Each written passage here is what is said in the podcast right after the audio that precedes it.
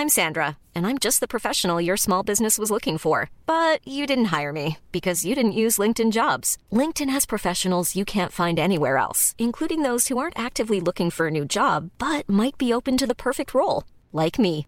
In a given month, over 70% of LinkedIn users don't visit other leading job sites. So if you're not looking on LinkedIn, you'll miss out on great candidates like Sandra. Start hiring professionals like a professional. Post your free job on linkedin.com/people today.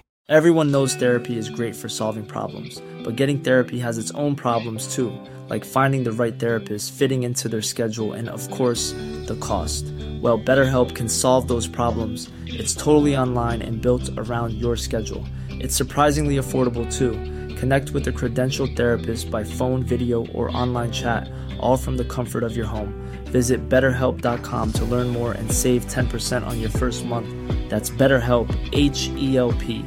A lot can happen in the next three years. Like a chatbot may be your new best friend. But what won't change? Needing health insurance. United Healthcare Tri Term Medical Plans are available for these changing times. Underwritten by Golden Rule Insurance Company, they offer budget friendly, flexible coverage for people who are in between jobs or missed open enrollment. The plans last nearly three years in some states, with access to a nationwide network of doctors and hospitals. So, for whatever tomorrow brings, United Healthcare Tri Term Medical Plans may be for you. Learn more at uh1.com. Vi är denna vecka sponsrade av Indie Beauty. Och Sofie, det här tycker jag är extra fint och extra roligt. Ja men Indie Beauty är ju ett skönhetsvarumärke som jag tror att väldigt många känner till, men det jag älskar mest det är att Indie Beauty liksom vill vara mer än bara produkter, vilket de ju också är. Exakt, Indie Beauty står ju för Independent Beauty, skönhet på dina villkor och för din egen skull.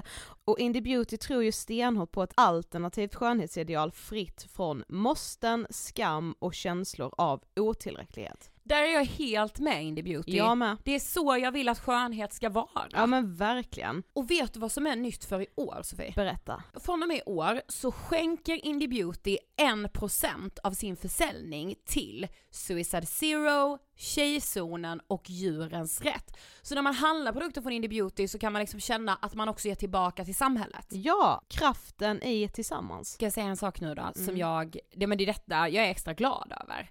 Nu har Indie Beauty tagit fram en keps och den tycker jag ändå så på sommaren, skydda sig från solen, Jättebra, jag älskar kepsen. men det bästa, de bidrar till Suicide Zeros viktiga arbete för att minska antalet självmord och självmordsförsök. Så för varje såld keps så går hela vinsten, 100 kronor, direkt till Suicide Zero. Då kan man liksom göra nytta både för samhället och sin hud på en och samma gång. Ja, och kepsen kostar 169, men alltså hela vinsten går då som sagt till Suicide Zero. Så om man vill göra skillnad när man är där ute i solen, nu när den börjar titta fram, då ska man välja den här kepsen. Den säljs exklusivt på indiebeauty.se och på Apotea. Tillsammans kan vi skapa en ljusare framtid. Vi ses med kepsarna på! Tack Indie Beauty. Vi är sponsrade av Mindler och som ni säkert vet sedan tidigare så är vi ju ute på psykologresan tillsammans. Men hur vet man egentligen när det är dags att söka hjälp? Ibland uppstår saker i livet som kommer utmana oss och kännas tufft. Det mesta självläker vi oss igenom, för vi är menade att ta oss igenom en viss mängd påfrestningar. Men ibland behöver man professionell hjälp för att ta sig ur jobbiga perioder i livet. Men vart går då gränsen? Vad är en del av livets skavighet och när är det läge att söka hjälp?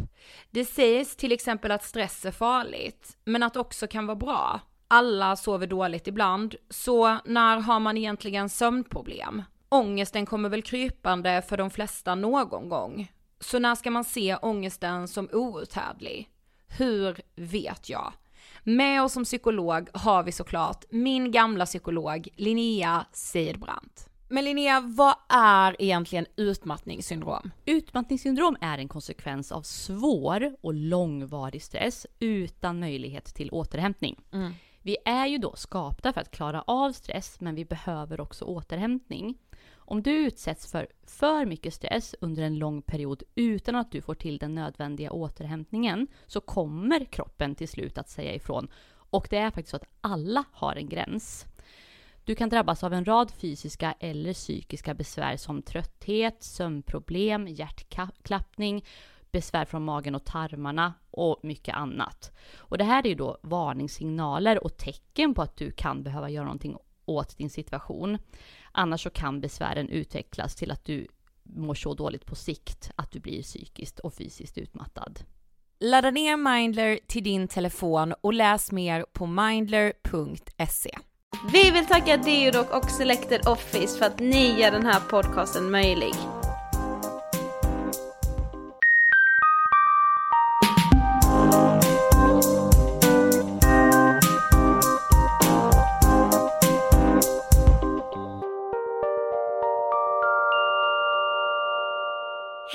Och hjärtligt välkomna till avsnitt 35 av Ångestpodden! Hej! Sätt er ner, luta er tillbaka, spänn fast säkerhetsbältena. Nu åker vi. Vad var det där liksom? Jag vet inte, någon konstig inledning. Ja. Fast jag gillade den. Det var som, har du hört den när Alex och Sigge gjorde en så här inledning, de hade någon sportkommentator som bara okej på bana i den vänstra fåtöljen ser vi Alex, typ så här. det var jätteroligt. Vi borde också göra någon sån grej någon gång. Försöka härma. Ja, ja men Ja, anyway. anyway. Eh, Välkomna ska ni vara. Ja, hjärtligt välkomna. Du hade något du skulle berätta för mig. Ja, du vet vår sponsor Selected Office. Ja. Visste du att de även sponsrar nya psykpodden? Va? Samt organisationen Udda. Och de har ju faktiskt gästat oss. Eh, jag visste inte detta men Nej. tack så hemskt mycket för informationen. Mm. Eh, ja, Udda gästade oss i avsnitt 7. Så om någon vill lyssna på det så tycker jag att ni ska göra det. Mm. Eh, hur härligt är det med ett företag som tar ansvaret för psykisk ohälsa? Ja, så jävla bra. Nej men jag, jag känner verkligen att det är tryggt. Mm. Det är tryggt att veta att de finns där ute. Mm. Tack Selected Office. Mm. Ansvarstagande till sin spets. Ja, Mm. det får man faktiskt säga. Och i nya psykpodden Mm. eh, medverkar ju Rebecka Anserud som är vår gäst idag. Woho! Kul med poddar på det här ämnet. Ja, det är viktigt att de finns. Ja, verkligen.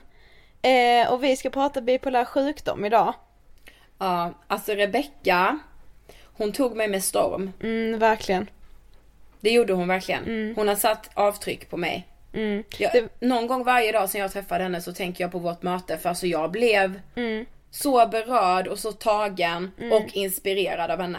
Ja, jag gick typ såhär med en klump i bröstet hela eftermiddagen sen efter att vi hade träffat henne för att det var liksom Ja men vi har ju själva ingen erfarenhet eller koll alls på bipolär sjukdom mer än det lilla vi har läst på internet liksom. Och det är väldigt många som har önskat det här ämnet. Eh, och jag är så glad att vi fick Rebecka som gäst för hon gav en Ja. så ärlig bild men ändå så hoppfull. Precis. Ja. Och ja, men väldigt så med förstående. Jag förstod när jag satt där. Precis. Det, det är en stark intervju mina vänner. Men vi säger som vi brukar göra. Nu rullar vi intervjun med Rebecka. Hej Rebecka och välkommen till Ångestpodden. Hejsan, kul att vara här. Kul att du vill vara här. eh, kan inte du berätta lite, vem är du? Oj, vilken fråga. Ehm, ja, Rebecka från Umeå, 27 år gammal. Ehm, jag brukar inte vilja säga att det är mina diagnoser, men vi pratar ju nu om psykisk ohälsa, så jag kan ju berätta att jag har bipolär sjukdom typ 1 och så har jag ADHD och är väldigt engagerad och frågor kring psykisk ohälsa. Skapa öppenhet. Ehm, ingen ska behöva skämmas och eh, sprida kunskap. Mm. Helt fantastiskt. Ja. Ja, och jag, jag startade faktiskt mitt eh, företag eh, när jag var 22 år gammal så att jag var igång ett tag med det. Det är jättehärligt. Ja, och så visste jag liksom inte att det skulle bli så stort att jag skulle, ehm, ja, men att jag skulle jobba med det så mycket som jag gör idag. Men det blir bara mer och mer och ja, jag fastnade där och jag brinner för det. Och jag har alltid velat ha ett jobb som jag brinner för så. Mm. Perfekt. eh, nu får du den typiska ångestpodden-frågan som alla våra gäster får. Eh, när du hör ordet ångest, vad är din första tanke då? Jag dör. Shit vad starkt. Det var verkligen starkt. Ja. Det, var, det, det var absolut det starkaste svaret vi har fått någon gång. För att ehm, jag, ehm, jag, går, jag startar varje morgon med ångestdämpande och tar ångestdämpande löpande under hela dagen. Um, ångest är brutalt. Uh, jag ser ingenting som är fint eller kreativt i ångest. Depression till exempel, när det är milt så här, då kan jag få en kreativitet i att skriva och så här. Men ångest, det är bara hämmande och det är fruktansvärt. Alltså ångest kan göra att jag kan ligga på golvet och inte veta var jag är om eh, inte jag tar mina piller.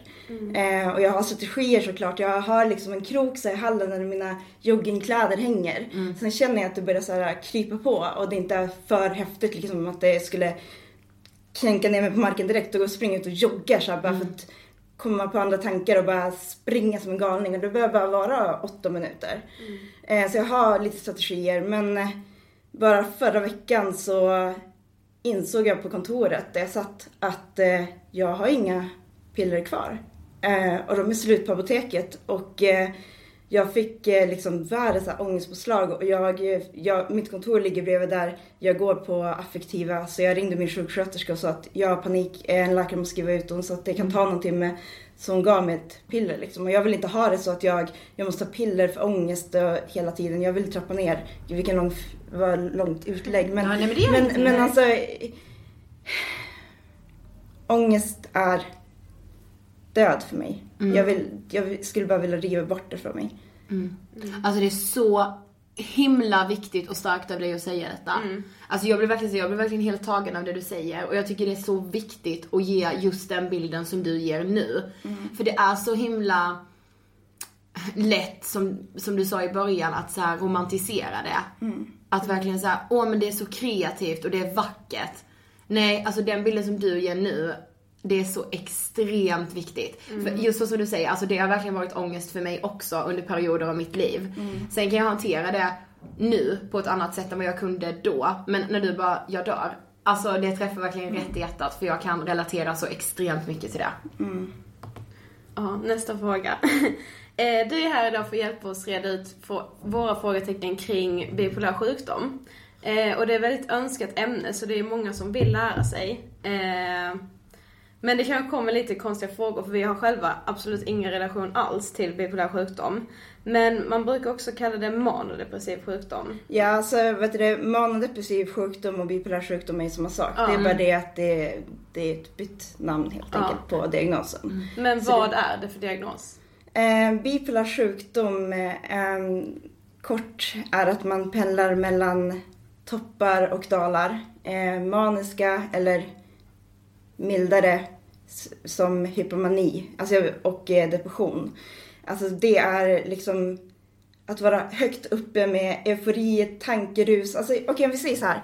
Eh, ni vet ju depression. Det, det, det är som att ha en plastpåse över huvudet och allt går som en gegga i skallen och man, och man har ingen energi och man känner så här, jag känner i alla fall att det här är utifrån mitt perspektiv, alltså alla upplever ju bipolär sjukdom olika. Men eh, alltså när jag är i en djup depression då, då kväver det mig och eh, jag jag vill ibland till och med dö för att det är så jobbigt. Tänk att vända på eh, vad, allting som depression är. Det är det andra skovet, mani. Det är eufori, det är rus, det är tankeströmmar, eh, kreativitet och man är igång hela tiden. Eh, alltså jag kan vara uppe typ tre, tre dagar i rad utan att sova och ta sömnpiller och jag somnar inte. Oj. Förstår ni? Eh, sen så brukar man ju prata om två olika typer när det kommer till bipolär sjukdom. Vissa hävdar att det finns sex olika typer och jada jada. Men eh, oftast inom vården pratar man om typ 1 och typ 2. Vet ni skillnaden mellan? Nej, den frågan skulle komma så det är Ja, nu. eh, nu babblar jag på så här. Men, men i alla fall, bipolär typ 1 har jag och det innebär att jag kan komma upp i manier, fulla manier. Eh, bipolär typ 2 eh, hamnar inte så högt som mani utan de stannar på något som kallas hypomani. Det är en mildare form av mani.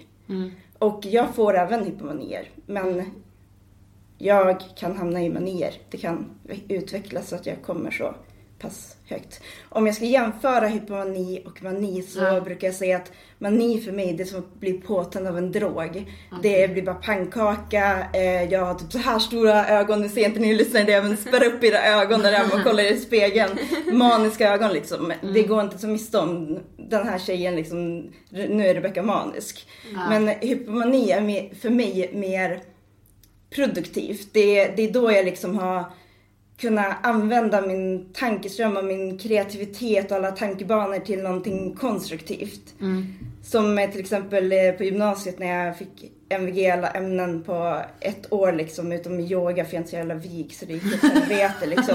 Alltså, ja, man kan inte läsa sig till eh, viga mm, ledare höll jag på att säga. Ja, you get it. Eh, och sen så när jag är hypomanisk så oj vilka affärsidéer jag kan komma på allting. Ja, det, För visst är det så här också, man lever alltså man, inte... det, är eufori måste jag tillägga. Ja. Eufori. Det jag tänkte var så här, man lever ju inte med antingen eller hela livet väl? Det är väl inte så här, antingen är du deprimerad eller så är du manisk. Nej, alltså, Du kan ju leva mer normalt säger jag med situationstecken. Men... Ja, alltså, bipolär sjukdom ter sig olika på olika personer. Om vi ser här, jag, Rebecka Anserud, bipolär typ 1 och så har vi min kompis i Skåne, han har diagnosen bipolär typ 1. Han har upplevt några få väldigt starka manier och knappt någon depression. Alltså det har varit på snudden att det är så nedstämdhet. Och så ser man på mig, jag har pendlat som en tokast. Fram och tillbaka. Och när jag var som sjukast eh, under några år eh, där ett tag så avlöste skov med varandra. Så jag kan inte ens räkna alla skov jag har varit i. Och skov, det är då mani eller hypomani eller depression. Ehm, så att det kan se olika ut. Fast det står samma diagnos på pappret, typ 1 eller typ 2, så är det olika. Okej. Vissa kan vara helt symptomfria i, eh, i 10-20 år. Ja, det var det jag Ja, tänkte. precis. Ja, ehm, men jag får ju hela tiden tänka mig för. Eh, vad är bra för mig och vad är inte bra för mig när det kommer till min eh, sjukdom? Ehm, jag kan inte liksom... eh, Skulle jag vara på festival och vara uppe flera dygn i rad och supa, då skulle jag bli manisk. förstår ni? Eller, eller att jag... eh, Ja men ni förstår, jag, jag, Ja. jag har mina strategier där. Vi kom in lite på det lite senare. Ja.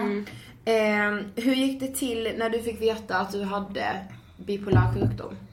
Ehm, så här var det att jag eh, hade levt med skov sedan jag var 15 år och inte vetat om, jag hade ingen sjukdomsinsikt. Ehm, sen när jag var 19 år så läste jag psykologi och kom in på sidor där det faktiskt stod just manodepressivitet. Och när jag läste om det så bara slog det mig, åh herregud, det är det här jag har. Och nästa dag så sökte jag hjälp.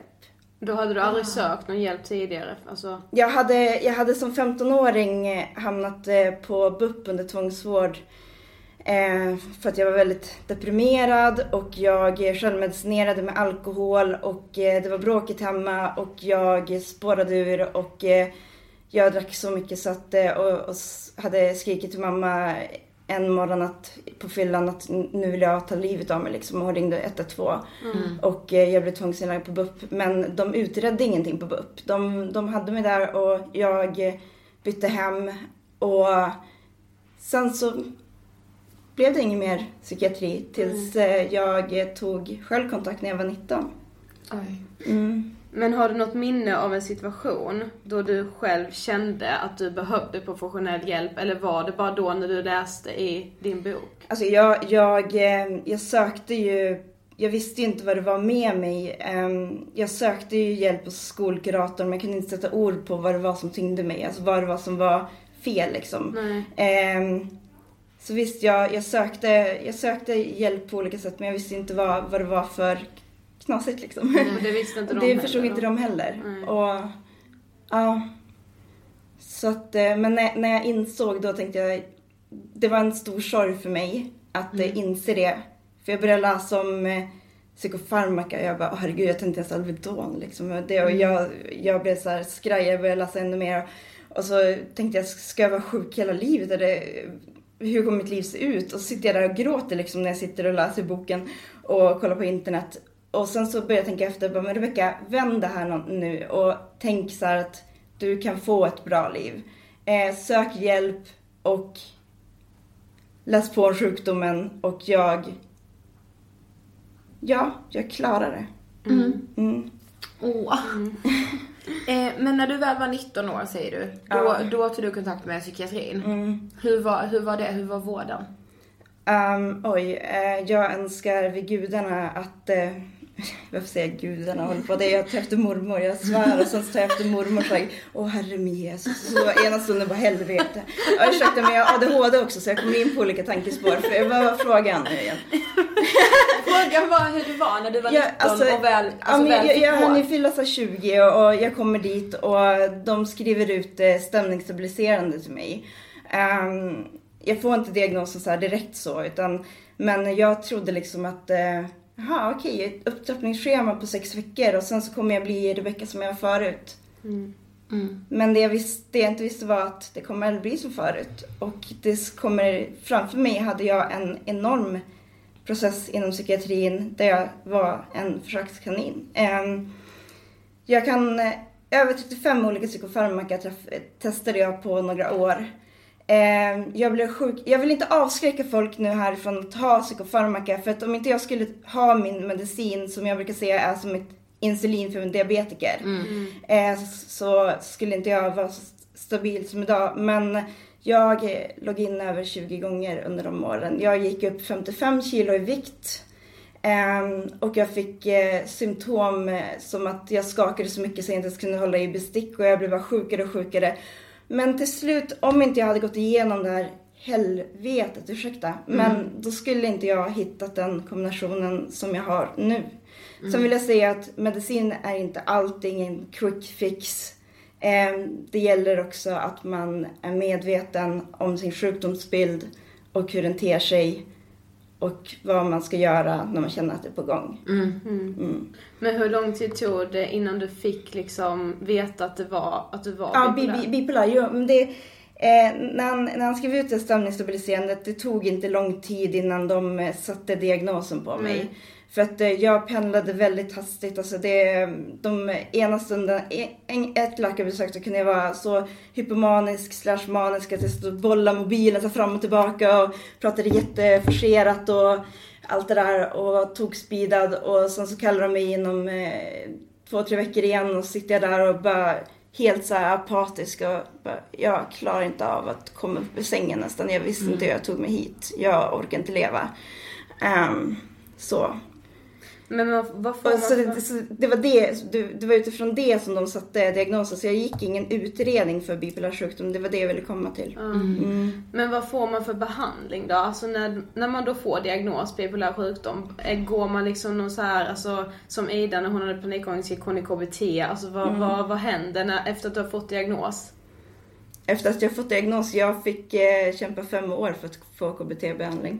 Men det är KBT man... Alltså, Nej, alltså det, det där är så himla individuellt eh, eh, när det kommer. Vissa...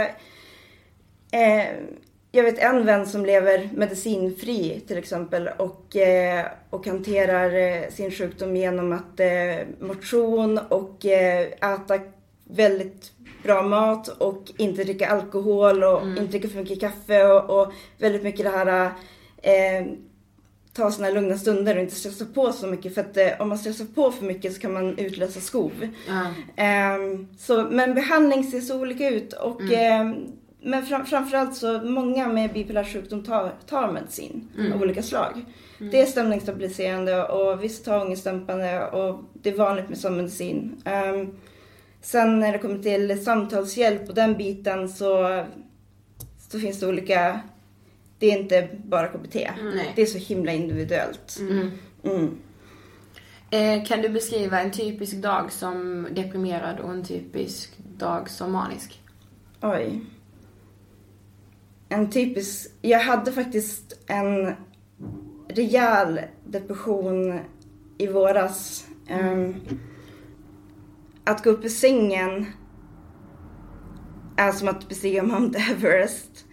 Och att ens knyta ihop sopsäcken och gå ner till sophuset är som att jag vet inte, allting. Det, det är som att ha en plastpåse över huvudet och, och man kvävs och, och jag vadar i sand och, och allting känns så tungt och jag känner att jag, jag alltså när jag är riktigt deprimerad då känner jag att jag orkar inte det jag, jag, jag kvävs. Jag vill, jag vill dö fast, fast jag har bestämt mig för att leva. Till exempel, jag, jag var så himla glad att jag faktiskt hade, när jag var som riktigt deprimerad i våras, att jag klarade av att eh, duscha, klä på mig och gå runt kvarteret. Och det är en sak som jag liksom gör så här nu när inte jag är deprimerad. Men då förstår ni liksom hur det kan tynga ner en människa. Eh, manisk, eh, ja. eh, då är det liksom eh, Tjolihop, eh, det är, ja men tänk er såhär, ni vet ni vad det handlar på ICA eller hur? Ja. ja eller, nu ska jag inte säga, nu ska jag inte göra reklam för ICA, vi ser en mataffär. Ni vet såhär, eh, ni vet såhär bandet med varor.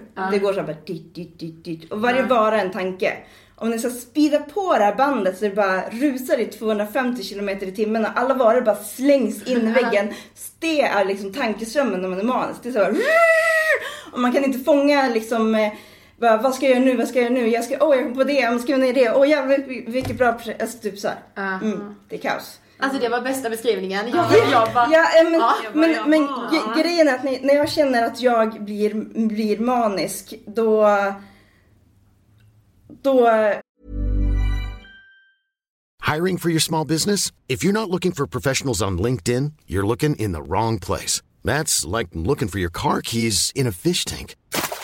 LinkedIn helps you hire professionals you can't find anywhere else, even those who aren't actively searching for a new job but might be open to the perfect role. In a given month, over 70% of LinkedIn users don't even visit other leading job sites. So start looking in the right place. With LinkedIn, you can hire professionals like a professional. Post your free job on linkedin.com/people slash people today. Quality sleep is essential. That's why the Sleep Number Smart Bed is designed for your ever evolving sleep needs. Need a bed that's firmer or softer on either side? Helps you sleep at a comfortable temperature? Sleep Number Smart Beds let you individualize your comfort so you sleep better together. JD Power ranks Sleep Number number 1 in customer satisfaction with mattresses purchased in-store. And now, save 50% on the Sleep Number limited edition Smart Bed for a limited time. For JD Power 2023 award information, visit jdpower.com/awards. Only at a Sleep Number store or sleepnumber.com.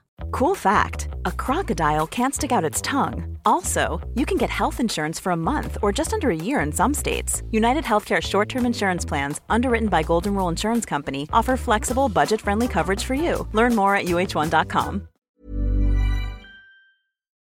Jag, när jag var 20 eller yngre, liksom, jag, alltså 20 och, och omkring där, då tyckte jag att det var liksom häftigt att hamna i det här eh, stadiet när man jag kunde gå efter, jag bodde i Vasastan 2009 och jag kommer ihåg när jag var så manisk, jag gick, gick efter vägen och jag kände inte att jag nådde liksom asfalten, jag flög och jag var en del av någonting stort här på jorden och det kom så här färgklot i luften, alltså jag började bli psykotisk. Alltså när ett skov blir riktigt kraftigt så kan det för vissa med bipolär sjukdom, jag säger inte alla, men för mig så kan det bli psykotiska symptom. Och ehm, jag handlade glitterpennor för över tusen spänn eh, för jag skulle måla upp mitt liv i glitter. Det är helt såhär bara pipi. Oj. Eh, ja, eh, det var jobbigt för det gick åt eh, 9000 på två dagar åt saker som inte jag vet vad jag hade köpt för någonting. Oj, men så blir det inte nu. Eh, för nu när jag känner av att jag blir manisk, eh, då tar jag mitt akutpiller eh, och bara lägger mig, och- alltså när det riktigt slänger på en så här, då bara, och så lägger jag mig i sängen och bara vila nu och koppla bort allting. Det ska inte bli ett skå av det här. Ehm, men hypomani eh, kan jag tycka är eh, ganska okej ibland när man har koll.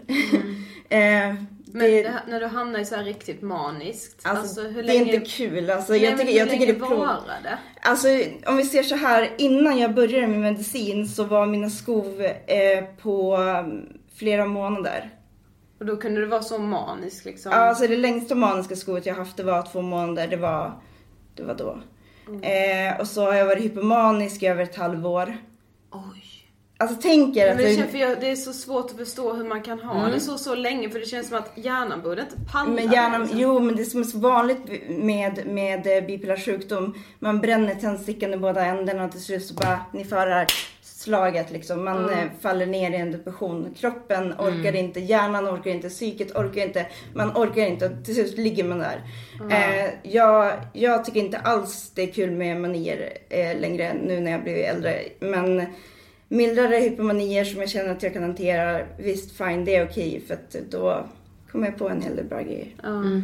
Men du var inne lite på det precis. Men är det vanligt att man under sina depressioner kommer in på andra former av psykisk ohälsa? Alltså typ som att man vill ta livet av sig, eh, självskadebeteende. Um, alltså en, en ganska vanlig bit i en djup depression är ju att man börjar tänka och fundera på döden som en utväg. Ehm, jag vet många som inte har upplevt självmordstankar på det sättet som jag har men, men jag, jag har självmordstankar än idag men jag kan hantera det. Eh, jag har bestämt mig för att leva och det, det hände faktiskt på en begravning som jag var på och då insåg jag, Rebecka, det där kunde ha varit du som låg där. Och när jag såg likkistan så tänkte jag att fan, det här kunde ha varit min begravning. För just då var jag i en djup depression och hade planerat att ta mitt liv. Ehm, Det var flera år sedan. Jag hade börjat kasta dagböcker och börjat så här förbereda så att ja, men snart så ska det ske liksom. Och mitt uppe i allting så, så dör min släkting och eh, han skulle ge mig en, en present men han hann inte. Jag ska komma in på den presenten varför den är så betydelsefull för mig. Ehm, Men eh, när han dog och jag såg alla släktingar sitta där. Det kunde ha varit min begravning för jag lekte rysk roulette med livet. Jag tog piller, jag drack alkohol och jag brydde mig inte om jag överlevde eller om jag dog. Det var inte självmordsförsök men jag var så obrydd om mig själv.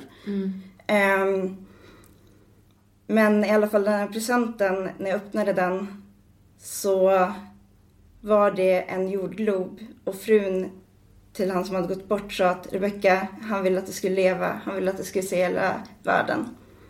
Jag börjar Och det, och det var, det var, jag kan säga att när jag stod på examensdagen i nian, stod med goda betyg i handen, då hade jag den visionen, jag ska se hela världen. Och jag ska, jag ska, jag, jag var så sprudlande inför vad livet hade att erbjuda. Och jag, jag, jag skulle börja gymnasiet, jag skulle, jag skulle gå på högskola, jag skulle resa runt hela världen och jobba och allting. Det jag inte visste om den dagen, det var att en vecka efter så skulle jag drabbas av bipolär sjukdom. Och det är som att bli typ Charlen blir typ våldtagen eller vad man ska säga. Det, det är så här, det, den drabbade mig totalt. Det, livet blev inte som jag hade planerat det. Ehm, men det går att leva med. Mm. Och den där jordgloben, den, den är som en symbol för mig att ja, jag ska se hela världen jag ska klara det här. Ehm, Det är jag helt övertygad om att Ja, jag också. Åh gud, det var så himla fint. Alltså, så, jag, jag är helt övertygad om att han tittar på dig nu och bara, jag, så här, liksom den här... är stolt Ja, dig. så otroligt stolt. Ja, nu går vi vidare. Mm. Finns det så här, bidragande faktorer för dig som kan sätta igång en depression eller en mani? det är när jag oftast tar på mig för mycket, eh, både privat och jobbmässigt. Stresströskeln där hos många bipolära är lite lägre om man säger så. Hos många. Och eh, då kan det bryta ut. Och ibland så behöver det inte vara något speciellt. Ibland kan jag ha hamnat i ett skov och jag tänker att vänta här nu, vad utlöser det här? Och jag vet inte vad. Det kan komma ändå och bara Ja. och jag förstår inte hur jag hamnade där liksom, att det blev så. Ehm, men att ehm, hålla ett jämnt liv så någorlunda det går och ta hand om sig själv. Mm, kan man på andra hållet säga att det går väldigt bra på jobbet och man får mycket idéer och så här, kan man utlösa mani av det då? Att man ska ännu mer liksom Alltså, hela tiden. Jag vill, jag vill påpeka att jag hamnar ehm, mer i hypomanier än manier. Ja. Ja. Men eh, givetvis har jag för mycket. Men jag har också det här drivet i min ADHD. Ja, det är klart. Ja. Eh, och det, både jag och min kollega har bipolär sjukdom och ADHD och vi har diskuterat om det här att, okej jag ska berätta här. Vi har sex stycken whiteboardtavlor på vårt kontor. Alltså god damn. Alltså när vi går igång och börjar planera projekt, vi bara målar överallt så här, och bara, Kom igen, oj gud vilken bra idé! Och så efter ett tag bara Vänta, ska vi dricka lite lugnande te? Ja, jag tror det är bra. Vi skippar kaffet idag. Ehm, och och då, är det, då, då har vi funderat, är det här en del av vår ADHD eller är det hypomani? Och det är svårt att särskilja ibland och ibland så ska man nog inte tänka så mycket vad som vad. Huvudsaken att man har kontroll och mår bra liksom. Ja, Men eh, en eh, stark faktor när jag verkligen känner att jag är hypomanisk det är just den här euforin. Mm. Den här känslan att känna sig hög. Alltså så här milt så här hög på livet. Ehm, mm. Men har du några varningsklockor som kan dyka upp som gör att du känner att du är på väg mot en depression eller hypomani? Alltså så du sa lite innan att då kan du bara lägga dig i sängen och bara okej, ta det lugnt Du liksom. menar varningstecken? Ja, precis. alltså bipolär sjukdom är faktiskt ganska fysiskt eh, för mig. Eh, när jag känner att jag börjar gå ner i en depression så börjar känna så tyngd över armarna och det börjar bli så här, men, alltså jag, börjar, jag känner att jag orkar inte lika mycket och så. Och, det, och just det här att jag inte får ihop tanken att det går segt och så. Och jag, det, det är liksom början. Och vid hypomani, då, det är många bipolära faktiskt som, som har upplevt det här. Ni vet Sodastream, eller hur? Eh, men inte pumpa in det i blodsystemet. Har ni gjort det? Nej. Nej, det har inte ni gjort, det inte jag gjort heller. Men det är typ bipolär sjukdom som gör det. För när jag håller på att brusa upp i en hypomani eller mani, då, då brukar jag känna att det pyr som Sodastream-bubblor i mina ådror. Och då känner jag att, oj jäklar, nu är det igång. Nu kommer jag igång. Eller till exempel att ehm, jag helt plötsligt ehm, inser att jag eh, är igång för mycket och att jag till och med inte kände att jag behövde sova i natt trots att jag tog ett sömnpiller mer och eh, då känner jag att wow, nu är det på gång liksom. Jag är på jobbet fast jag inte sov i natt. Ja. Eh, Ja, jag tänker typ så här, alltså finns det mycket forskning bakom den här sjukdomen? För jag tänker liksom att vad, vad är det som händer som gör att man kan vara vaken tre dagar i rad utan att sova? Det, för mig känns det ju liksom helt omöjligt. Ja, ja det, alltså har jag Alltså, inte jag sovit hade- på en natt eller sovit så här tre timmar på en natt, då är ju jag zombie. ja, Det är forskning. klart, jag, så här, det är klart, mitt längsta är typ så här 36 timmar sömn. Hur mådde du då? Ja, då mår jag skit alltså. Precis. Ja, Då men när känner jag, jag mig är typ på man... ihålig. Ihåla. Ja. Mm. Jag, jag måste bara berätta en, en, eh, en situation på, på skolan på gymnasiet när jag var i min längsta hypomani, alltså över ett halvår. Då kom jag in dit som, i korridoren som en sån solstråle och bara dit, dit, dit, dit, dit, och så sitter min kompis och håller om sig själv med en kofta så här, och så här, så här fryser så här och säger Åh gud, jag har bara sovit tre, fyra timmar i natt. Jag måste nog gå hem och åh gud, jag klarar inte det här. Och där kommer jag och bara jag har inte sovit på tre dygn. och, hon- och då vände hon sig till mig och bara, Rebecka, det är inte kul. Hon såg det som ett skämt. Och jag började, då började jag fundera lite grann så här, det var faktiskt eh, halvåret innan jag förstod att jag hade bipolär. Men eh, det, det, jag hade ingen sjukdomsinsikt i hypomanin, att jag var så driven och eh, kunde göra så mycket. Men att jag var vaken tre, tre dygn i rad, det var så här, ja men det är kanske lite konstigt det här. Det stämmer inte. Så jag ringde en jourlinje, jag vet inte vilken, om det var typ LR77 eller bara en jourlinje. Och jag sa att eh, jag kan vara vaken eh, tre dygn i rad utan att sova. Ehm, ska jag skaffa sömnpiller? Hur går det till? Jag hade ingen aning. Ska jag gå till vårdcentralen? Och hon sa hur gammal är du? du jag sa att jag, var, jag är 19 år och hon sa att du ska inte börja med sömnpiller. Du är för ung. Man blir beroende. Du kan till och med få hallucinationer. Så hon skrämde upp mig så att jag sökte inte vård. Och hon sa så här, jag sa vad ska jag göra då? Hon sa, tar du vitaminer? Jag bara jo. Ta dem på morgonen och inte på kvällen. Och så gör du så här. Ta ett glas mjölk, värm det i mikron och sen sätter du dig lugnt och stilla i din soffa i en timme och dricker det där glasmjölket och du kommer känna att du är så lugn och så kommer du kunna sova. Och då sitter jag där med mitt glas mjölk och jag tänkte, det händer ju fasken ingenting. Nej, men det är ju ganska självklart om det. Det är Ja. okej om man typ såhär, ja men jag sover ganska dåligt än. Men, men, liksom. att, ja, men att hon inte fångar upp det när, när jag Ja. säger att det har pågått i flera månader och jag kan ibland vara uppe tre dygn i rad. Ehm, men ja, så är det. Har du fått uppleva mycket fördomar kring eh, bipolär sjukdom? Ehm, egentligen inte. Det var nog mer att jag var, när jag fick min diagnos så sa jag det bara till min extra mamma och min bästa vän. Inte ens min familj visste om det. Oj. Ja, jag skämdes så himla mycket. För tänker liksom, jag tänkte så här att om jag berättar att jag har ja, en allvarlig psykisk sjukdom, liksom, som bipolär sjukdom är, eh, kommer folk se annorlunda på mig? Kommer de vända mig ryggen, mina vänner? Kommer min familj dra ifrån mig? Eh, kommer jag någonsin kunna ha ett jobb?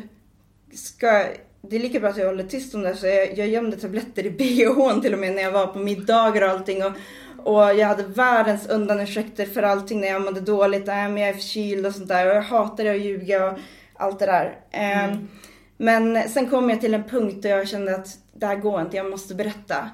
Och när jag berättade så sa flera vänner, alltså alla, ingen har tagit det dåligt. Ehm, det är som en sa, nu faller alla pusselbitar på plats och en sa, jag har redan förstått det. och eh, de, alla tackade mig och min familj tackade mig och mina relationer har blivit bättre för att jag är öppen om det här. Ehm, och utåt sett eh, offentligt, jag, jag har inte märkt någon, någon negativitet. Och jag brukar säga på mina föreläsningar och riktar ut mot publiken att här sitter det 75% av er har någon anknytning till psykisk ohälsa. Ja, så Antingen genom en anhörig eller att ni har det själv. Det är vanligt men man ska tydligen hålla käften. Man ska inte prata om det. Och då tror man att eh, det är inte så vanligt som det är.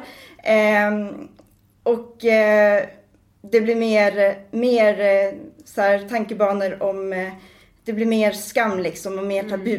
precis. Så våga prata om det, var inte rädd för det. Eh, Fråga dig själv om du skäms. Vad är dina farhågor? Vad tror du ska hända? För ingenting av det jag var rädd för hände. Nej. Nej, Eh, faktiskt. Eh, ingenting.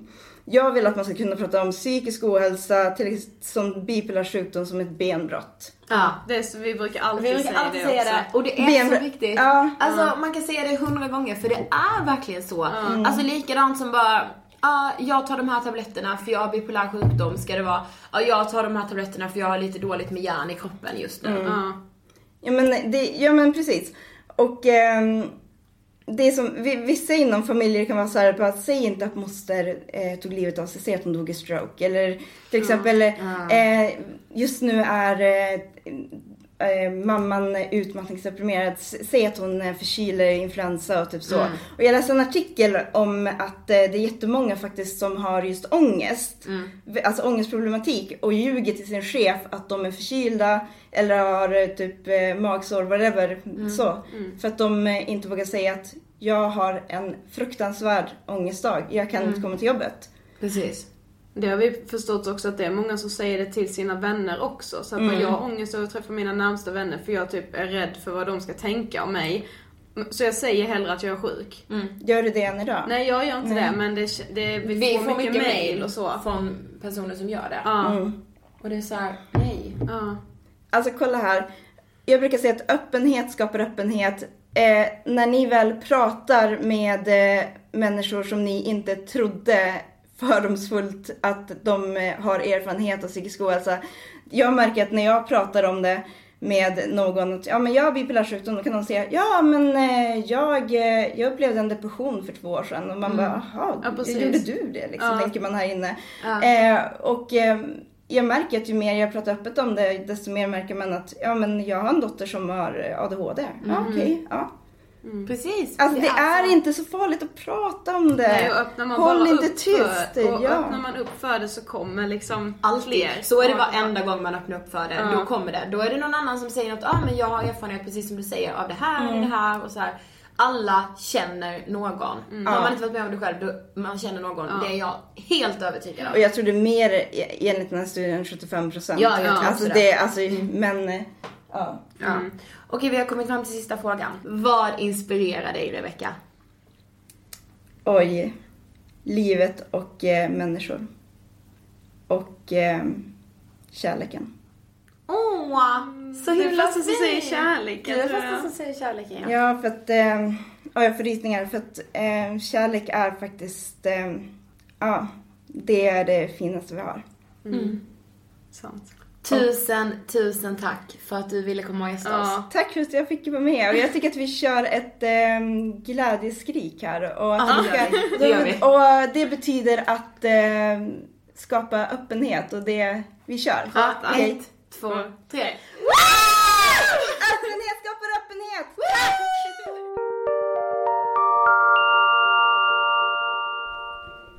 Ja, där hade vi det. Mm. Ja, jag hoppas att ni också eh, lärde er lite mer om vad bipolär sjukdom faktiskt är för sjukdom. Ja men verkligen. Det var så här, jag hade lite koll innan efter Ann Heberlein, säger man Heberlein? He- He- Heben, Ja, jag är tyvärr inte rätt person att fråga så jag vet inte. Nej, Ann Heberlein är som Erik Sade, man vet inte hur efternamnet uttalas. Typ. Ja, Där hade vi den. ja. Nej men Ann Heberleins program Mina två liv på SVT. Vi har sagt det innan men det är verkligen att rekommendera och titta på. Eh, och hon, hon skildrar det på ett fantastiskt sätt där. Men Rebecca träffar så rätt in i hjärtat med sin berättelse. ja. Hon gav så ärlig bild liksom. Ja det är så här, jag, jag förstår nu. Ja, jag jag, jag har verkligen koll på bipolär sjukdom. Så tack Rebecca. Mm, tack, tack, tack. Eh, I söndags så sändes SVT-klippet på oss. Ja det gör Eh, vi. lovade berätta när det är släppt så eh, gå in på vår Facebook-sida och gilla oss. Eh, Ångestpodden heter vi där. Eh, så kan ni se klippet där för där har vi lagt det. Exakt. Jag tänkte på det, jag tyckte inte vi såg så här jättenervösa alltså inte som vi var. Nej.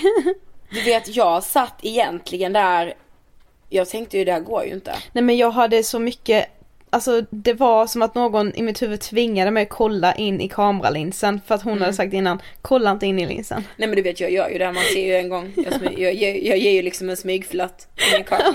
Ja precis. Kasta, att kasta ett getöga. Ja. Det är verkligen, come Att me baby. Mm. För vem jag signalerar till någon, eh, alltså in i kameran, det är verkligen så här. Ja, anyway. Följ oss på Instagram hörni.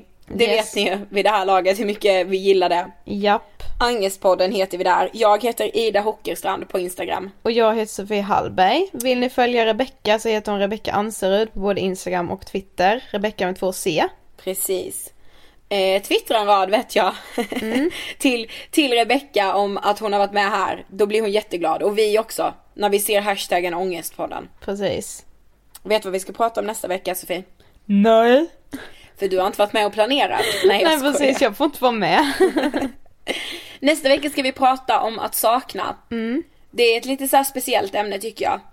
Just för att jag är en person som ofta går och saknar saker så för mig är detta väldigt, det kan vara extremt ångestfyllt för mig.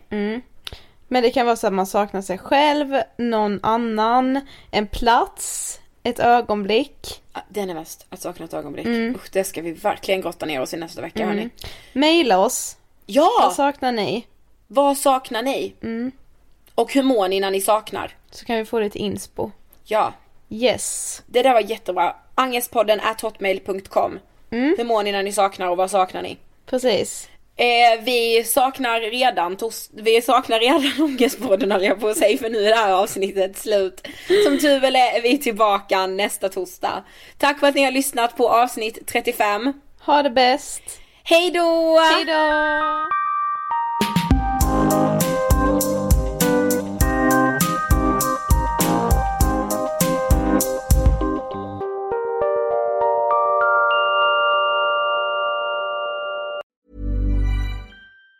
Even on a budget, quality is non-negotiable. That's why Quince is the place to score high-end essentials at 50 to 80% less than similar brands. Get your hands on buttery soft cashmere sweaters from just 60 bucks, Italian leather jackets, and so much more. And the best part about Quince, they exclusively partner with factories committed to safe, ethical, and responsible manufacturing. Elevate your style without the elevated price tag with Quince. Go to quince.com slash upgrade for free shipping and 365-day returns. Planning for your next trip? Elevate your travel style with Quince. Quince has all the jet setting essentials you'll want for your next getaway, like European linen, premium luggage options, buttery soft Italian leather bags, and so much more. And is all priced at 50 to 80% less than similar brands. Plus, Quince only works with factories that use safe and ethical manufacturing practices. Pack your bags with high-quality essentials you'll be wearing for vacations to come with Quince. Go to quince.com slash pack for free shipping and 365-day returns. Mom deserves the best, and there's no better place to shop for Mother's Day than Whole Foods Market. They're your destination for unbeatable savings, from premium gifts to show-stopping flowers and irresistible desserts. Start by saving 33% with Prime on all body care and candles. Then get a 15-stem bunch of tulips for just $9.99 each with Prime. Round out Mom's menu with festive rosé, irresistible berry chantilly cake, and more special treats. Come celebrate Mother's Day at Whole Foods Market.